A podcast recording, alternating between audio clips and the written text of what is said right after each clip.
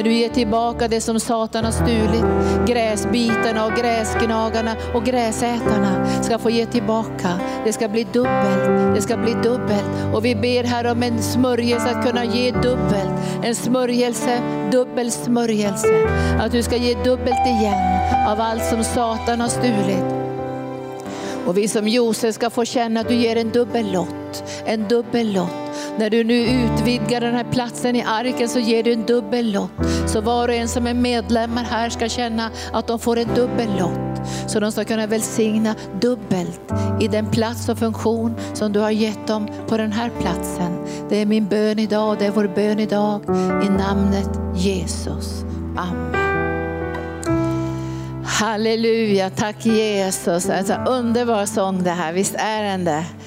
Waymaker, miracle worker, du bereder en väg och du gör mirakler. Och, och även om vi sover och vi, vi, vi, vi kan inte vara aktiva så är Gud alltid aktiv och verkar så att Guds vilja ska få bli gjord i våra liv och i församlingens hjärta. Tack ska ni ha. Vilken dag! Vad härligt det är med barnvälsignelse. Och när ni ber idag, du, Eva du leder kanske bönen idag, så ska, så ni som går med i bönen idag så ska vi be för Kungsskolan och växthuset. Vi ska be för expansion.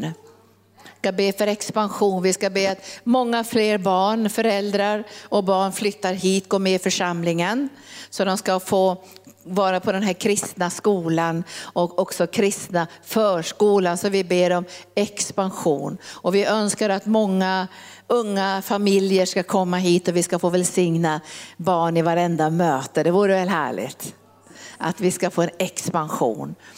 För det står ju i Bibeln så här att om vi förför en av dessa minsta så är det bättre att en kvarnsten hängs om vår hals. Och vi får inte hindra barnen att få möta Jesus. Och på Kungsskolan och växthuset så ger vi barnen en plats där de får möta Jesus. Och vi skäms inte för evangelium, för det är Guds kraft till frälsning för var och en som tror. Och jag tror att det är viktigt att barnen får en mötesplats med Jesus när de är väldigt unga.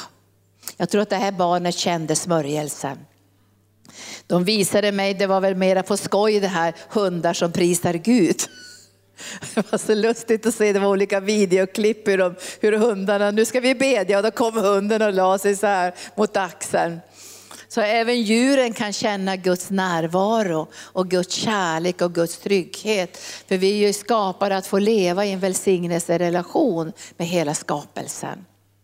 Så be gärna för Kungsskolan, växthuset, expansion. Många ska flytta hit och vi ska få många barn och, och, vi ska kunna vara trogna uppdraget och kallelsen som vi har fått i Kungsskolan och växthuset. Så vi ber för det väldigt kraftfullt nu de här veckorna framöver för steg som ska tas. Gud söker en övernaturlig församling som kan höra från himlen. Det är mitt grundtema idag. Därför vi ska inte bygga på ett naturligt sätt och vi har pratat mycket Stefan och jag och Gunnar under de här, den här helgen faktiskt om att bygga med rätt material och på rätt sätt. För bygger vi naturligt i Guds rike så får vi endera ett ålderdomshem eller en ungdomsgård. Om vi bygger naturligt. Alltså vi försöker fixa till det liksom på något sätt. Men vi ska bygga övernaturligt ledda av den heliga ande. Där de äldres drömmar och de ungas visioner möts i Jesus Kristus för landets framtid. Därför det står om inte Gud får vända hjärtarna till varandra så kommer landet att gå sönder. Och redan nu ser vi en väldigt kraftfull söndring och vi vet ju att söndringen kommer från djävulen. Han har kommit för att stjäla och slakta och förgöra. Men Gud håller på att bygga, han håller på att bygga både en boning och ett tempel. Jag ska börja läsa det, för det här tog ju också Stefan och läste lite grann igår ifrån Efesierbrevet kapitel kapitel 2 så läste han ifrån 19 versen, för det var det som han predikade om det här medborgarskapet i Guds rike och att vi var medborgare. Vi var inte vilka som helst.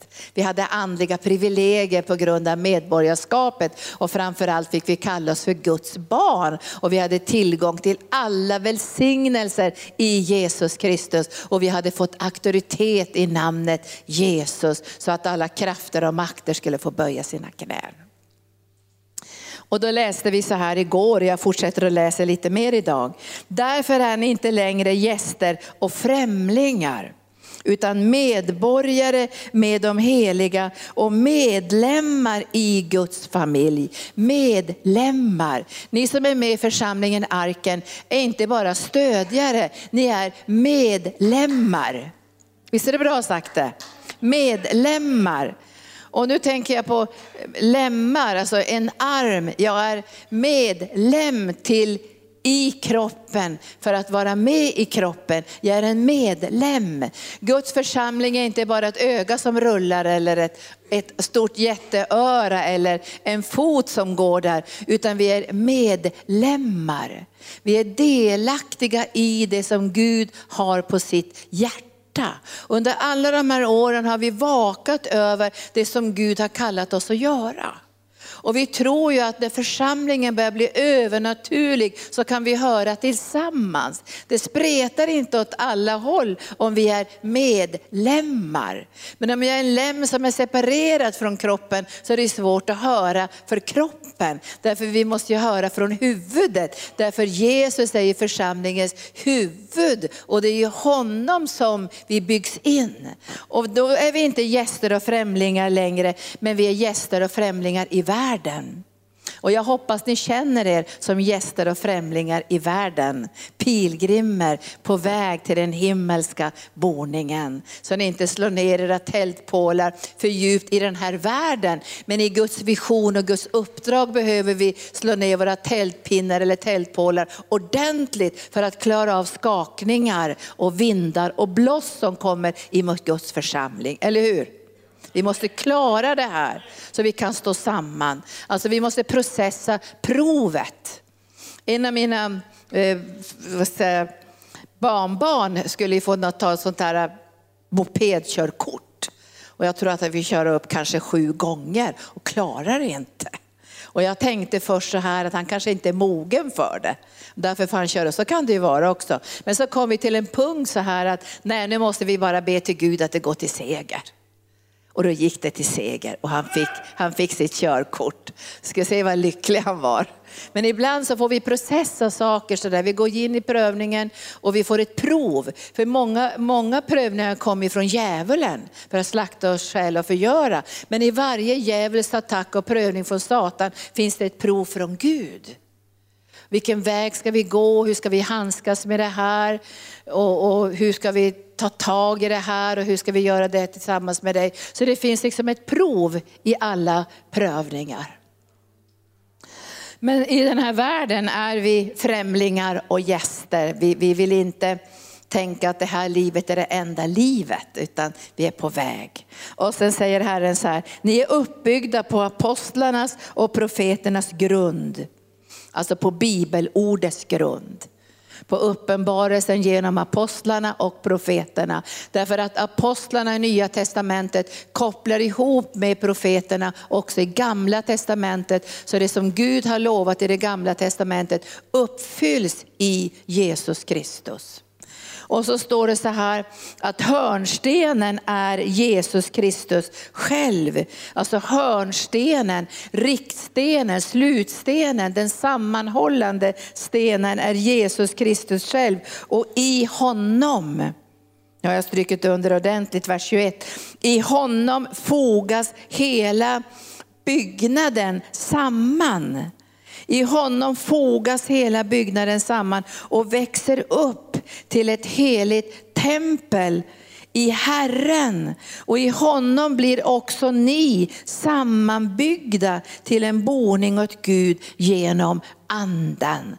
Så här ser vi att det är Jesus och anden som gör det här verket. Och vi behöver nog hålla våra mänskliga händer lite åt sidan i det här. Och ge utrymme för Jesus och för den heliga ande att bygga så att vi tillsammans kan höra ifrån himlen. Alltså vi ska vara ett övernaturligt folk som kan höra ifrån himlen. För Gud vill ha ett tempel och han vill ha en boningsplats. Visst är det vackert det här? Ett tempel.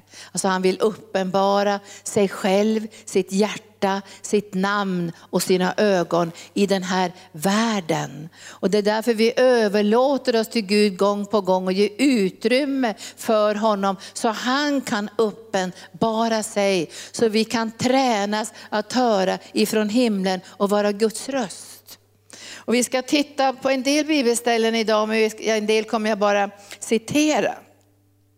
Men jag tänkte jag skulle läsa profetorden ifrån Joels bok som står i andra kapitlet om vad som ska ske i den yttersta tiden. Och Joel han levde ju säkert kring 700 år innan Jesu födelse och så såg han det här. Alltså han såg någonting i anden. Gud måste bygga någonting övernaturligt i den här världen så inte Guds församling får sin näring från kunskapens träd på gott och ont. Då klarar vi inte skakningarna.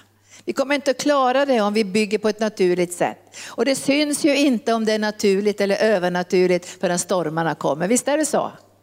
Det står ju det i Bibeln. Alltså det märks inte vilket hus det är, men när, vi, när det stormar så märks det på vilken grund det är byggt. Och vi måste bygga på klippan Jesus och vi måste bygga övernaturligt. Och det är därför som Gud talar om ett folk som profeterar. Att profetera betyder ju att vara Guds mun. Att profetera, att vara Guds mun i den här världen. Och då känner man ju varje dag att man säger till Gud, sätt en vakt vid min tunga.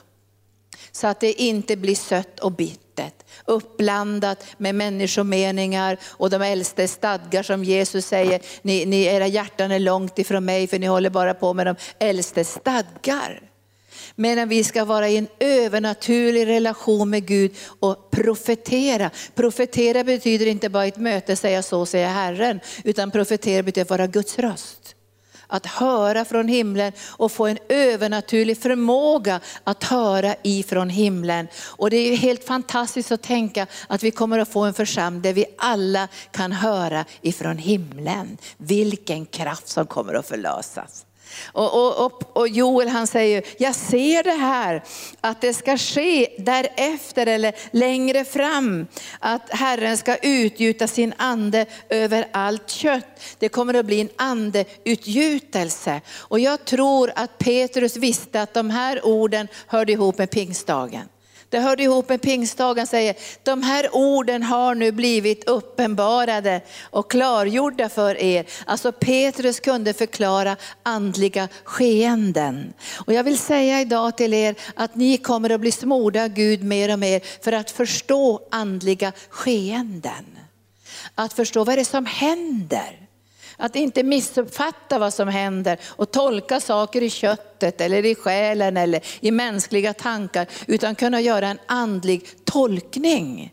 Och det var inte så lätt för Petrus att kunna göra en andlig tolkning, för det här var ju kaos. Har ni läst om pingstdagen? Det var kaos. Alla kom ut ur övre salen och alla talade i tungor, säkert i mun på varandra. För alla talade i tungor, då kan ni tänka hur det lät. Och när alla talade tungor så verkade den heliga ande så alla hörde evangelium på sitt språk. Är det ett mirakel? Att alla hörde evangelium på sitt språk. För de var kopplade till himlen därför att eldslågor hade, hade kommit och satt sig på deras huvuden. De skulle bli kanaler för Guds röst i den här världen. Och det här känner jag är församlingens första uppgift, att vara en röst för Gud. Alltså att vara en röst för Gud i den här världen. Och, och Petrus kunde förklara det, sig. det är inget konstigt som händer, säger han. Det är lite tumultartat det här, men det är bara Joels profetia som har gått i sin fullbordan. För Gud utgjuter nu sin ande över allt kött. Och vad händer då? Jo, det händer någonting att sönerna och döttrarna ska profetera. Alltså de ska bli kanaler för Gud och, och tala Guds ord. Och när Guds ord talas så förlöses Guds ande. Ett enda ord säger hövitsmannen så kommer vi tjäna och bli frisk. Tänk att vara bärare av Guds ord. Och när du och jag får vara bärare av Guds ord så kommer Guds ande att verka med ordet. Och det är därför vi behöver förstå också att Gud söker efter ett folk som är villiga att gå in i det övernaturliga. Nu skakas många saker. Vet ni, sjukvården skakas nu. Nu skakas sjukvården. Vi har alltid trott sedan vi var unga, eller i alla fall jag, att vi ska, det ska bli vård på samma villkor för alla. Nu skakas det. Vet du att allt kommer att skaka? Jag kan min bibel. Alla båtar kommer att skaka. Allting kommer att skaka. Därför vi måste ha vår trygghet i Jesus Kristus. Och han har lovat att vara allt som vi behöver. Han ska vara försörjaren, eller hur? Läkaren, beskyddet, friden, rättfärdigheten, helgelsen. Allting som Gud har bestämt för oss finns i Jesus Kristus. Och jag vet ju att det är väldigt skillnad att predika som jag gör idag och agera i skarpt läge. En väldig skillnad att, att predika och berätta hur fantastiskt det är. Men när skarpt läge kommer så vet jag i själva provet, oj jag verkade ha min trygghet i den här båten. Inte för att jag har haft min trygghet i Försäkringskassan och där grej, det har jag inte haft min trygghet. Men, men, men man vet att det finns andra båtar som har blivit vår trygghet. Och när provet kommer och det skakar ordentligt, då måste vi veta att vi kommer att komma över på andra sidan, eller hur? För vi hör från Gud. Vi kommer över på andra sidan. Och nu, nu kommer de här fantastiska orden. Era söner och döttrar ska profetera. Och era gamla eller era äldre ska ha drömmar. Det betyder att de som är äldre måste drömma för framtiden för att ge den unga generationen ett hopp. För det man, det man talar om nu när man talar om många sådana här som inte är kristna, de säger att det är mycket, mycket ja, farligt som händer i världen idag med naturen och man har många katastroftänkande så här. Men du och jag som kan Bibeln, vi vet att när alla de här sakerna sker så beskriver Jesus det på ett annat sätt. Han talar om födslovåndor födslovåndor. När han talar om krigen, miljöförstöringen, allt som ska hända, då talar han om födslovåndor och han ger ett hopp. Därför vi vet ju alla att när vi kommer in i födslovåndor så är någonting annat på väg, eller hur? Vi har flera gravida här nu i arken. Och snart kommer födslovåndorna. Och det är inte kul med födslovåndor när jag har fött två barn. Det var fruktansvärt, i alla fall för den andra. Men jag visste när jag kommer igenom det här så kommer jag ha ett barn och jag kommer att glömma födslovåndan. Och nu går världen och jorden och naturen och haven och vattenströmmarna in i en födslovånda. Och den vet om att den är på väg in i en födslovånda. Det är för Gud har gett oss ett hopp att den här världen kommer att födas på nytt. Så vi har ett hopp och därför måste de äldre ha drömmar. När de äldre slutar drömma och se framtiden, då blir det bara nostalgi och tristess och ålderdomshem. Och vi kan inte bygga en församling med ålderdomshem där vi sitter och knastrar och berättar om hur underbart det var 1963. Eller vad säger ni? Vi, och därför vill jag mana på er som är äldre, börja drömma, börja se framtiden, börja gå in i det profetiska, börja tala profetiskt, börja se vad vi är på väg. Därför att fruktan är det, jag säger, det främsta verktyget som djävulen använder. Använder han något verktyg nu så är det fruktan. Jag kommer ihåg när det här viruset kom, det här sars-viruset. Och folk sprang som, inte galningar ska jag säga, men de var så rädda. Det var köer av människor som skulle ta vaccin. Jag är inte emot det. Men den här fruktan kände jag, jag vill inte gå in i den. Jag går inte in i den här fruktan. Tänker inte drivas av fruktan, tänker inte ledas av fruktan, jag tänker inte handla på fruktan. Punkt och slut.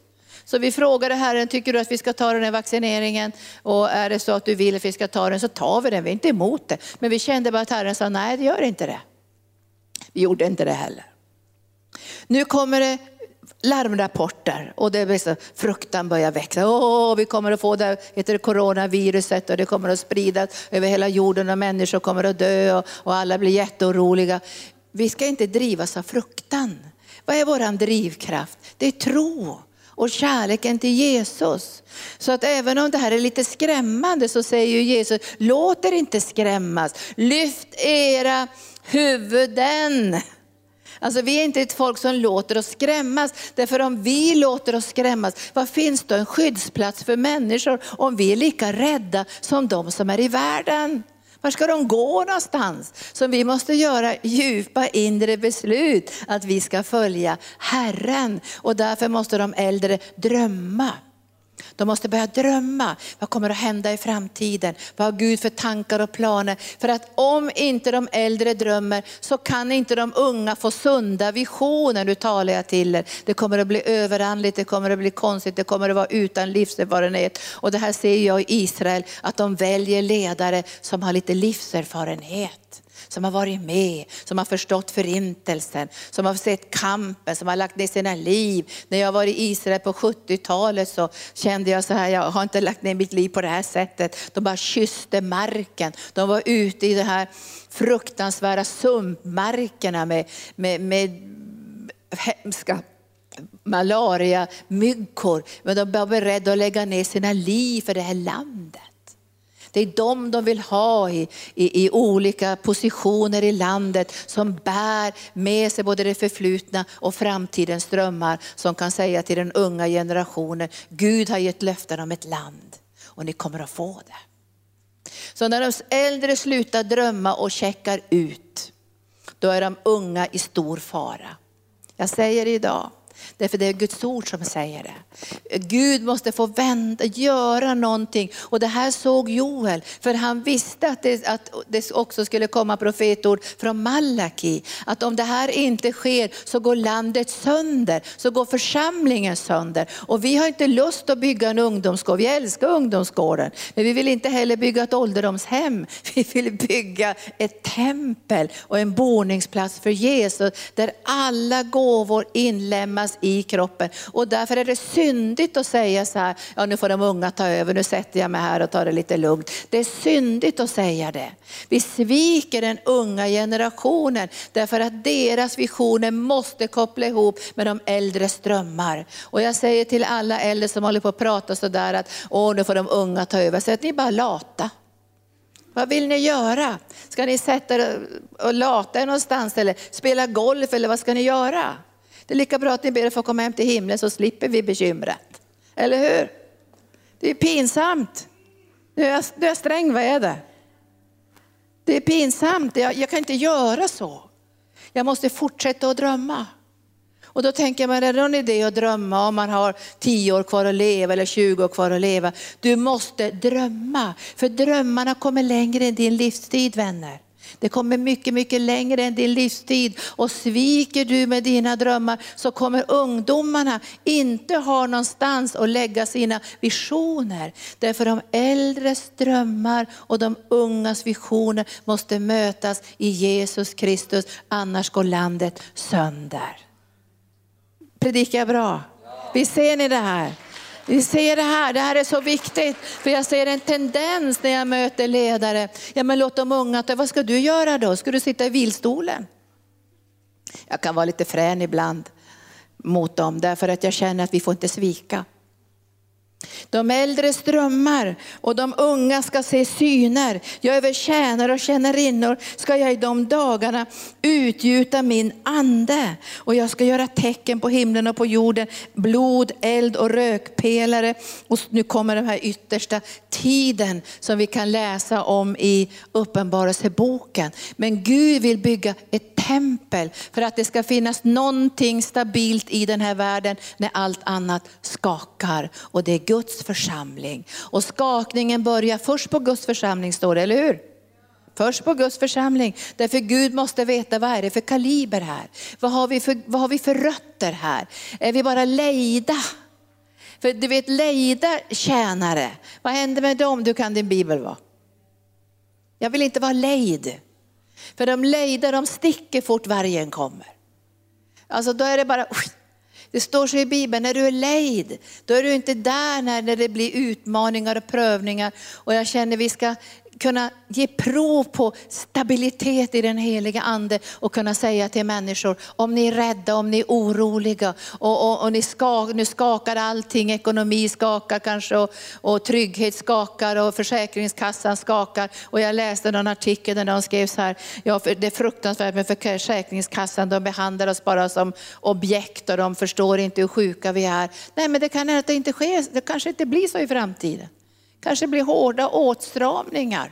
Då måste det finnas en plats av Guds barmhärtighet och Guds kärlek och Guds nåd och det är församlingen. En helig boning för Gud där han ska uppenbara sin härlighet. Vi har hört den här helgen om, om prövningar och att vinna seger. Och nu tänkte jag ska föra er faktiskt till Uppenbarelseboken. För jag läser ofta Uppenbarelseboken. Jag har känt att Gud har lett mig till Uppenbarelseboken. Men jag, jag, kan, jag förstår inte allt. Men vissa saker har han börjat uppenbara för mig. Och, och, men det här har vi sett länge, de här sju församlingarna som egentligen representerar Guds församling över hela jorden, alltså sju olika sorters församlingar. Och av de där sju så var det bara två som fick Guds erkännande. Det är lite deppigt va? Men alla fick uppmuntran om ni vinner seger. Det är det jag ska säga idag. Alltså det var inte så, nu de här fem församlingarna, då avpoliterar vi dem, det blir ingenting av dem. Utan till alla församlingar ger han de mest fantastiska uppmuntrande ord och så säger om ni vinner seger, om ni vinner seger, om ni vinner seger, om ni vinner seger. Och så kommer det löften som är så gigantiska att man knappt kan förstå dem när man läser uppenbarelseboken. Och nu behöver ni inte kunna namnen på de här församlingarna, men man kan säga någonting om de här församlingarna. Den första församlingen, den kan, det har ni läst många gånger, Efesusförsamlingen. Den hade ju tappat sin första kärlek. Han hade förlorat sin första kärlek. Och sen fanns det två församlingar som levde i okultismen och sexuell synd. Alltså man hade öppnat upp för okultism, avguderi och sexuell synd. Det var två församlingar av de här sju. Nu kanske det finns flera hundra som öppnat upp, men det är liksom bilder på, så här kan det gå för de här församlingarna. Den första hade tappat den första kärleken. Två hade öppnat upp för new age, ockultismen och sexuell orenhet. En församling säger Jesus, ni är ljumma. Ni är ljumma. Det verkar som att Gud inte tycker om ljumhet. Han säger, jag skulle önska att du ändå var kall eller het, men inte ljum. Och när man läser om den här ljumma församlingen så säger de så här, vi är så duktiga, vi behöver ingenting. Det har vi aldrig sagt i arken, vi säger vi är totalt beroende av Gud. Men så säger han så här, just nu är ni nakna, fattiga, blinda och ni har ingenting. Men de liksom ganska så stolta, vi har så mycket, sen, men ni är ljumma. Ljumhet är någonting som inte verkar som att det ligger på Guds hjärta, ljumheten. Och sen var det en församling som säger, ni har, ni, har, ni har ord om er att ni lever, men ni är döda. Ni har ord om er att ni lever, men ni är döda. Och så ser vi det här, det finns döda församlingar, ljumma församlingar, församlingar som öppnat upp för okultismen och new age och orenhet. Det finns församlingar som har förlorat sin första kärlek. Men så fanns det två församlingar som liksom fick Guds liksom erkännande. Och den ena församlingen var ganska fattig i det naturliga. Men Gud säger, fast du är så fattig i det naturliga så är du rik i mina ögon. Och sen den andra församlingen som han liksom ger sitt erkännande till så säger han att din kraft är ringa. Du har inte haft så mycket naturlig kraft. Men så säger han att, att det har räckt för att jag har haft min kraft igenom dig. Så man ser att de här två församlingarna som på något sätt fick Guds erkännande, det var de församlingar som har gjort sig totalt beroende av Jesus. Som kanske i det naturliga inte var de allra vackraste, de mest synliga för världen, men som har gjort sig totalt beroende av Gud. Men det jag vill säga idag är att alla de här församlingarna, oavsett om, om Jesus inte var nöjd med dem eller man var nöjd med dem, så gav han dem otroliga löften. Om ni vinner seger, om ni vinner seger, om ni vinner seger. Jag ska bara säga något av de här löftena. Jag ska inte säga så mycket vilken koppling till församlingar de hade.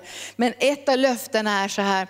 Om ni vinner seger ska ni få äta av livets träd. Jag Stannar vid det. Om ni vinner seger ska ni få äta av livets träd. Finns det någonting som vi längtar mest av här i arken, det är att äta livets träd, eller hur?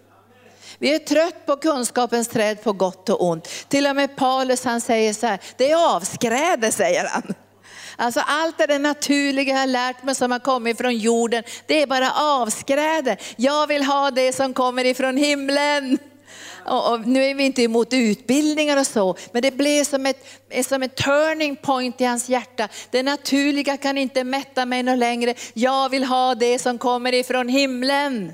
Och det är det som jag ber idag ska bli en längtan i hela den här församlingen och i våra hjärtan. Vi vill höra det som kommer ifrån himlen och vi ska höra det. Vi ska profetera, vi ska tala ut Guds mäktiga gärningar, vi ska samarbeta med Gud, vi ska vara Guds mun och Guds röst i den här världen. Det är oro, bekymmer och skakningar och ångest och självskadebeteende och utbrändhet så har du och jag ett ord från himlen, eller hur?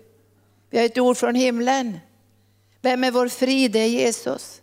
Alltså vi har ett ord från himlen och vi ska inte koppla ihop hela tiden med orden som kommer ifrån från världen. Jag ska bara ge ett vittnesbörd. För 25 år sedan fick jag besked om att jag hade fått cancer. Och det hade att göra med sjukvården faktiskt. Därför att jag hade fått cellförändringar och jag skulle ta bort dem. Och jag fick vänta, vänta, vänta, vänta, vänta, vänta, vänta, vänta, vänta, vänta, hur många månader som helst innan jag fick komma in. Och då hade jag utvecklat cancer. Jag, fick vänta, jag ringde och sa till dem, jag måste få komma. Till och med läkaren sa, du måste få förtur. Men jag fick vänta, vänta, vänta, vänta, vänta, vänta. Och jag kan verkligen förstå människor idag som dör därför de får vänta.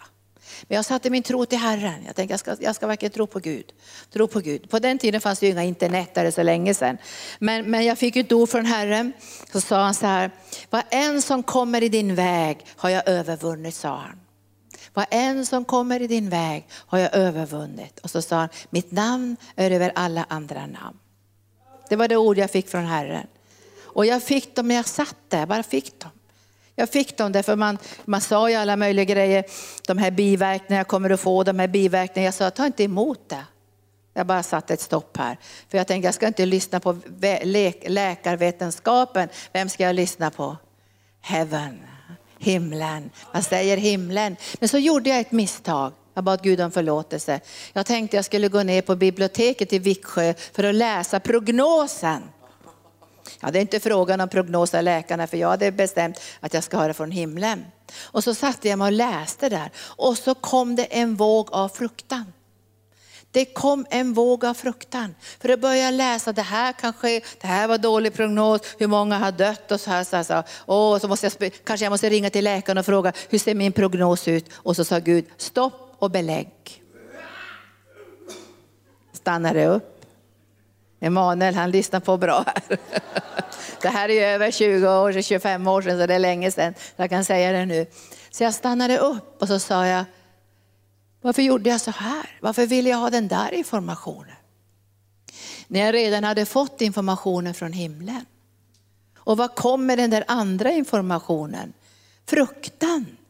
Det bara välde in fruktan in i mitt liv. Så jag böjde mina knän och sa Gud, förlåt Herre. För jag har redan fått informationen från himlen och det är den som ska styra mitt liv. Och i samma ögonblick försvann all fruktan. Och jag kunde leva helt som vanligt och jobba här och vara ute på kallelser och tjäna Herren. Därför att jag tillät inte det här att påverka mitt liv. Nu säger jag det igen, att det vidrigaste verktyget som finns i den här världen som djävulen använder, fruktan.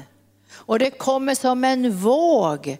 Det slår in, det paralyserar dig. Det, det tränger in i din hjärna, in i varenda cell i din kropp. Och jag sa till Gunnar, från denna stund ska vi inte tala om fruktan, vi ska tala tro.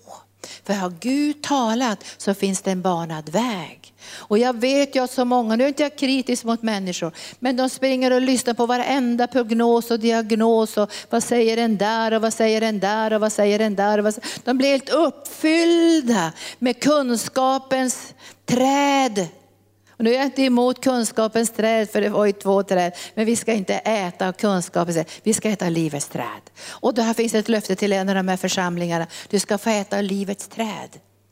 Om du vinner seger ska du få äta av livets träd. Vad säger ni om det här? Visst vill ni äta av livets träd? Vi är inte emot utbildning, men det ska inte ta över vårt tänkande och styra våra liv. Vad ska styra våra liv? De ord som kommer från himlen. Och vi måste få ord från himlen. För om jag är i nöd så vill jag inte att du ska bara säga någonting snällt och mänskligt om du har hört på vårdcentralen. Utan jag vill, att, jag vill höra om du har hört något från himlen. Annars vill inte jag höra vad du vill säga. Det, det hjälper inte mig. Men om du hör någonting från himlen, wow, då känner man wow. Här kommer något från himlen. Här kommer det löst Gud. Här kommer det utvägar. Här kommer det hjälp. Visst vill vi höra från varandra. Vad kommer ifrån himlen? Tack Jesus. Och det är samma med församlingen. Vi vill inte höra massa farhågor. Vi vill höra, har Gud sagt någonting? Finns det något som kommer ifrån himlen? Nu, nu, tror ju inte vi att vi går och fantiserar bara att och nu har vi inte den här sjukdomen och nu struntar vi i den och vi går inte till doktorn och vi kastar medicin och trampar sönder glasögonen. Det är inte det jag pratar om. Jag talar om att vi ska bli ledda av det som kommer ifrån himlen och ge mera utrymme för det än det som kommer från den här världen. Och så säger Jesus till en annan församling, om du vinner seger ska du bli en pelare i Guds församling. Jag älskar det. Pelare i Guds församling. Du ska vara med och bära upp någonting som kommer ifrån himlen. Om du vinner seger så ska du bli en pelare. Visst är det starkt?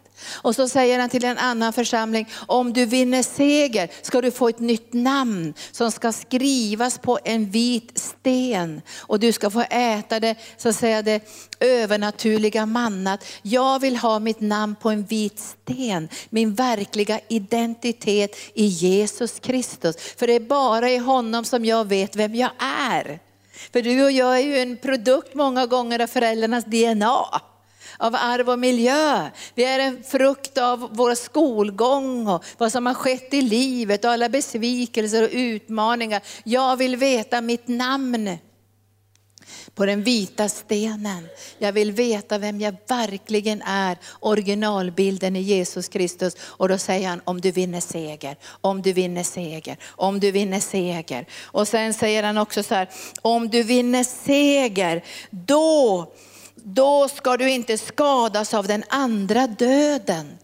Vilken otrolig nåd att veta det. Om du vinner seger, ingen av oss som tror på Jesus kommer ju till helvetet, det vet du ju. Men att kunna leva ett liv i den här världen utan fruktan för döden.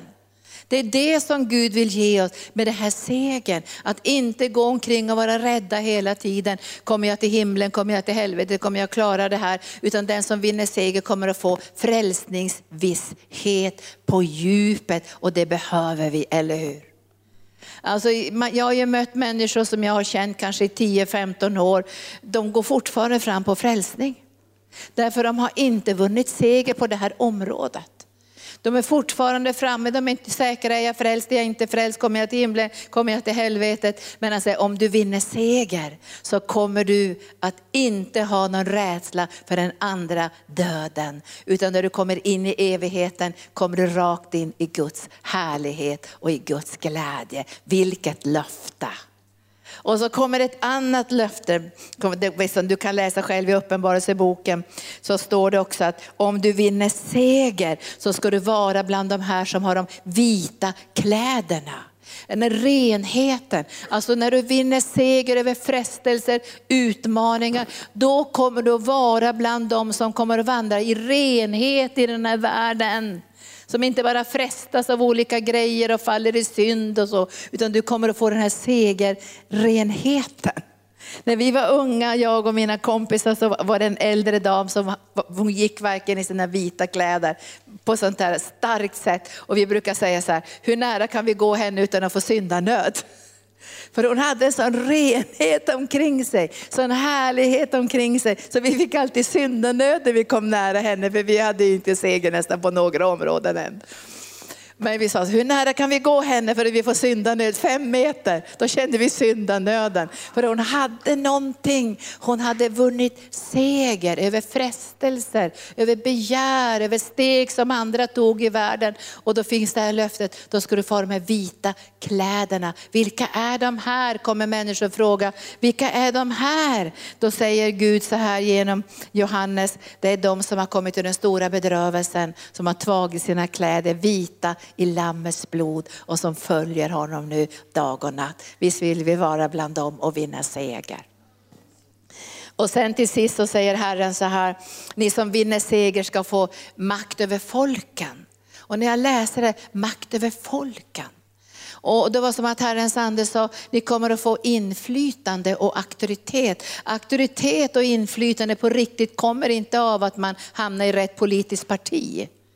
Det är inte inflytande på det sättet, utan det är andligt inflytande på grund av att man har vunnit seger. Och Gud kan resa upp dig och mig och församlingen för att få en position, för att få verkligt andligt inflytande. Vilka löften om ni vinner seger. Läs det här, alltså det här är verkligen gottgörelse.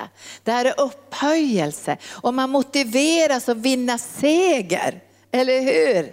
Visst vill man det? Man vill motivera, för när attackerna kommer och prövningarna kommer så är det lätt att man vill bara lägga sig, man orkar inte, man drar sig undan. Men jag tycker jag blir så motiverad av det här. Och också att vi går in i födslovåndor nu. Nu kan inte jag tider och stunder i Bibeln, men jag vet ju att när de här sju inseglarna bryts så ser vi framtiden. Men det är Jesus som bryter inseglarna, det ger mig trygghet. Det är han som bryter de här inseglarna. Och det första inseglet, ni kan läsa själva, så rider han ut som segerherre för att vinna seger. För mig är det det viktigaste. Och sen den sista ängelns basun är det viktigaste för mig. Det som är emellan vet jag kommer att bli jobbigt, det kommer att bli svårt, det kommer att bli utmaningar. Men när jag har läst det första inseglet och det sjunde inseglet, den sista ängelns basun, då vet jag vi går till seger. Och det kommer att sluta bra det här. Vi kommer att få en ny himmel och en ny jord och vårt uppdrag är att predika evangelium. För efter den vita hästen, vem kommer då? Då kommer den röda hästen. Vad gör den röda hästen? Tar bort all frid på jorden. Och människor kommer att slakta varandra. Så står det. Sen kommer den svarta hästen och det är den fruktansvärda hungersnödens häst. Sen kommer den gulbleka hästen och det är den hästen som för med sig sjukdomar och nöd i den här världen. Men det viktigaste för dig och mig är att veta att den vita hästen har ridit ut. Och vi sitter tillsammans med Jesus på den vita hästen i segertåg. Halleluja. Och vi är inte vilka som helst, vi böjer oss inte, vi drar oss inte undan. Vi har ett uppdrag från konungarnas konung att bereda plats. Mitt i sjukdomarna bereder vi plats för helande. Mitt i den röda hästen skapar ofrid och mörker så kommer du och jag komma med frid, eller hur? När hungersnöden kommer då, vi, då vet vi, precis som Petra predikade i det här kollekttalet, att vi har kontakt med himlen och vi kommer att få tolv korgar över. Så att när vi ser de här mörker som kommer så vet vi vad vi ska bereda för plats åt Jesus, eller hur? Och sen kommer femte inseglet, det kan ni säkert också, det är martyrernas insegel martyrernas insegel. Och när martyrernas insegel öppnas så står det i Bibeln att martyrerna ropar och säger, kan du inte hämnas snart? Det har varit så mycket förföljelse. Och då säger Gud, nej jag är inte färdig än, för det är fler som ska gå martyriets väg. Martyriets insegel, de här som är villiga att lägga ner sina liv för Jesus. Och jag hoppas vår församling ska klara av trycket. Vi ska inte svika Jesus. Och jag har känt att vi får en ung generation i arken som är radikal, eller hur? Radikal för Jesus. Och vi kan inte svika den här unga generationen och säga, nu fegar vi ut. Utan vi måste vara beredda att gå in i det här utan fruktan. För det står så här, om vi lider med Jesus, vad får vi då? Guds härlighet. Guds härlighet. Sen kommer det här sjunde inseglet, det sjätte inseglet är ju svårt att läsa, det är förstörelsen av naturen. Och sen det sjunde inseglet och de sju basunerna. Och då får vi mer och mer se vad kommer att hända med naturen. Det kommer att bli fruktansvärda eldsvådor. En tredjedel av jorden kommer att brinna. Det står att det kommer att bli skador, fruktansvärda förstörelse i haven, fruktansvärd förstörelse i källorna, i sötvattnet. Det står många olika saker. Och allt det här beror på att synden finns i den här världen och att jorden raglar på grund av inbyggarnas ondska som har överträtt de andliga lagarna. Men i allt detta så vet vi, jag sa det i början av predikan, det är födslovåndor.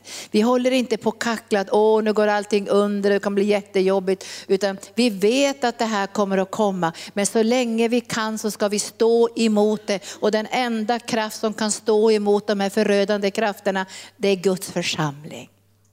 Det står ju det i Bibeln. Att Gud har gett Guds församling makt att binda och lösa och dödsrikets portar ska inte bli henne övermäktig. Och vi är naturens enda glädjekälla. Det står i Bibeln så här att när naturen ser oss så klappar den i händerna för den längtar efter Guds barns frihet och återlösning. Låt oss inte svika naturen, låt oss inte svika djuren och låt oss inte svika Jesus utan vi ska bereda en plats plats av en övernaturlig smörjelse där vi alla ska höra ifrån himlen. Och nu ger jag en liten läxa till er. Läs de här om ni vinner seger.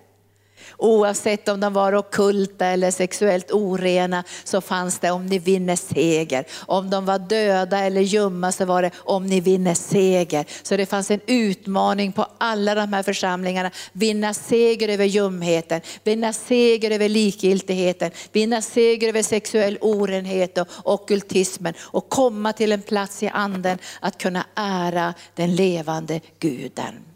Så jag ska be nu för oss alla. Jag ska be också för er som är äldre, sluta inte drömma. Och det är ingen idé att komma till mig och säga att den unga generationen får ta över, för det tror ju inte jag på.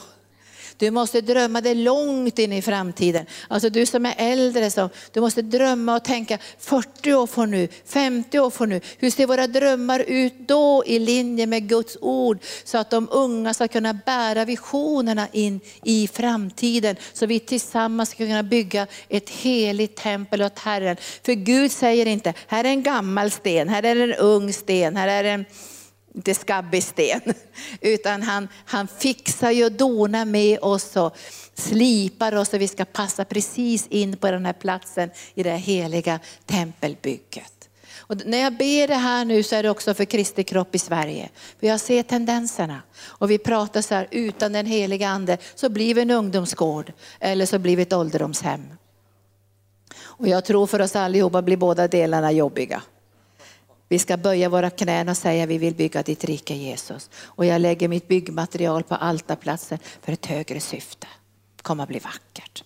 Och nu lyfter jag Herre de som är äldre, jag lyfter upp det nu i arken men också utöver Sverige, Norden. Och jag ber att de äldre ska börja drömma. De ska inte bara drömma om sin begravning och sitt ålderdomshem eller de ska dra sig tillbaka. De ska drömma om framtiden. De ska se tillsammans med dig Jesus framtiden. De ska se profetiskt vad vi är på väg, vad du har för tankar och planer om din församling i den här yttersta tiden. De kommer att förstå profetorden. De kommer att förstå sigillen. De kommer att förstå vad som ska komma. De kommer att kunna hjälpa de unga att förstå vad som händer när, det basunljudet kommer genom den första ängeln, den andra ängeln, den tredje ängeln. Och jag ber dig heliga ande att du ska lägga drömmar i de äldres hjärtan. De ska inte bara lämna de unga i sticket. De ska inte bara checka ut och ta det lugnt. De ska visa den unga generationen, det finns ett hopp. Så drömmar och visioner ska mötas på ett konstruktivt, starkt och underbart sätt. För du ska bygga din församling. Allt kommer att skaka, men din församling kommer att bestå. Så när den röda hästen kommer med strid och split så kommer vi komma med frid.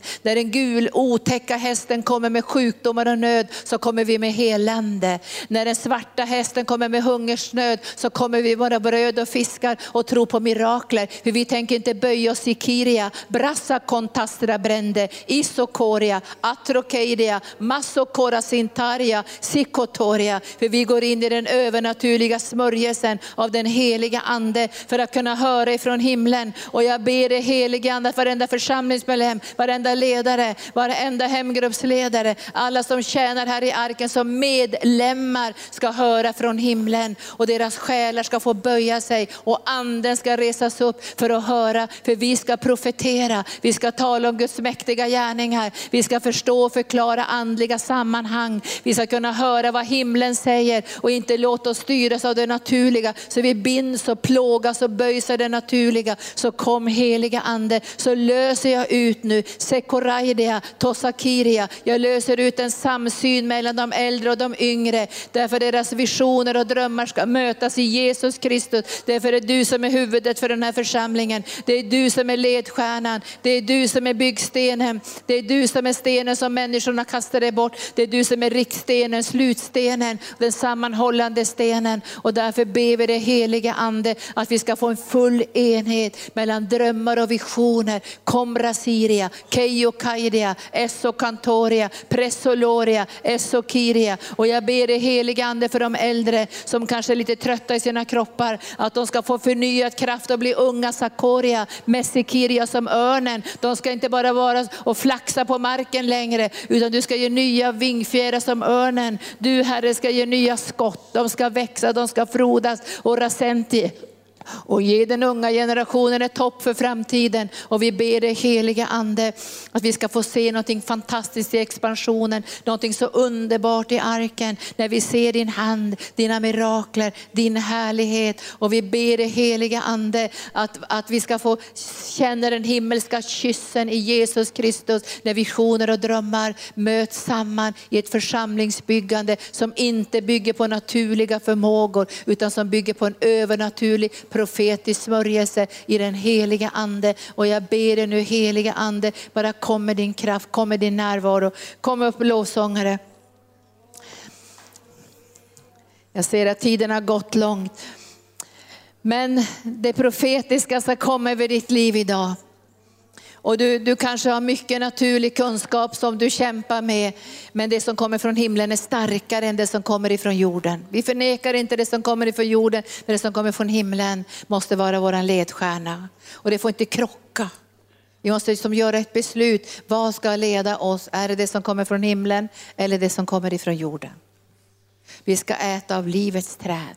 Och jag ska be nu på den nivå där du är och i den vandring med Gud. Du, du kommer inte att bli en profet idag, men du kommer att få del i en profetisk smörjelse så vi kan få samsyn i expansionen och i de steg som vi ska ta. Och du som är gäst här idag, bara låt dig välsignas av det som Herren gör i arken. För du är också inne i den här profetiska tiden när himlen kommer att öppna sig och Gud kommer att använda vår tunga och vår röst i den här världen. Så vi ber att den här profetiska smörjelsen kommer. Jag ska inte lägga händerna på för jag har känt att jag inte rätt att göra det idag. Utan Gud ska lägga händerna på er idag och beröra er genom sin ande. Och är du här idag som ännu inte är frälst så ska vi be för dig. Och är du här idag som har andra behov så ska vi be för dig. Men det profetiska ska vi inte be med handpåläggning utan Gud ska få göra det här verket därför du har en längtan. Du har en längtan att höra från himlen. Och den här längtan ska få komma djupt i ditt hjärta och motivera dig också att vinna seger över alla möjliga omständigheter och svårigheter. Därför du ser det här. Du ser det här hur Gud ska ge det här till dig. Så kom nu heliga Ande. Och jag löser i namnet Jesus utifrån ditt uppdrag den här förmiddagen, den profetiska smörjelsen, att verka i våra liv, att föra oss till en plats där vi kan höra från himlen. Och vi ber dig heliga Ande att våra hjärtan ska bli mjuka, följsamma, så vi kan höra vad himlen vill säga. Så kom heliga Ande. Och jag ber att du den här stunden tar bort all fruktan, för det kommer att skaka. Vi har sett profetorden. Vi har hört Jesu undervisning från Matteus 24. Men vi har lyft våra huvuden och vi vet att vi har ett annat uppdrag. Att bereda en plats så världen kan få se någonting annat än fruktan, skakningar, förtvivlan och nöd. De ska få profetisk förklaring om vad vi är på väg, vad som händer snart och Jesus stora underbara plan att komma tillbaka på himmelens skyar. Kom heliga Ande. Kom heliga Ande, bara ta emot ifrån Herren. Det är ingen stress det här och det är ingen press och det är ingen överandlighet idag. Det är bara en liten justering. Att himlens ord blir viktigare än det som kommer ifrån jorden. Att du gör liksom en bodelning mellan det själiska och det andliga. Att du låter en längtan födas i ditt hjärta att höra vad säger himlen om det här. Vad säger himlen om ekonomi? Vad säger himlen om hälsa? Vad säger himlen om de här omständigheterna? Himlen ska tala. Och den som har öron kommer att höra vad anden säger till församlingen. Så kom du heliga ande och så verkar du Resikiria, Prenosandria, Keloshoria. Tack Jesus du som nu behöver förbön för någonting helt annat. Vi ska inte be för det profetiska idag för dig med handpåläggning, men om du behöver någonting annat så kommer förebedjare. Ska ni komma fram förebedjare om det är hälsa eller något annat så finns förebedjarna här. Om du vill ta emot Jesus som frälsare så finns vi här för dig. Men det här profetiska, det ska Jesus göra i ditt liv just nu.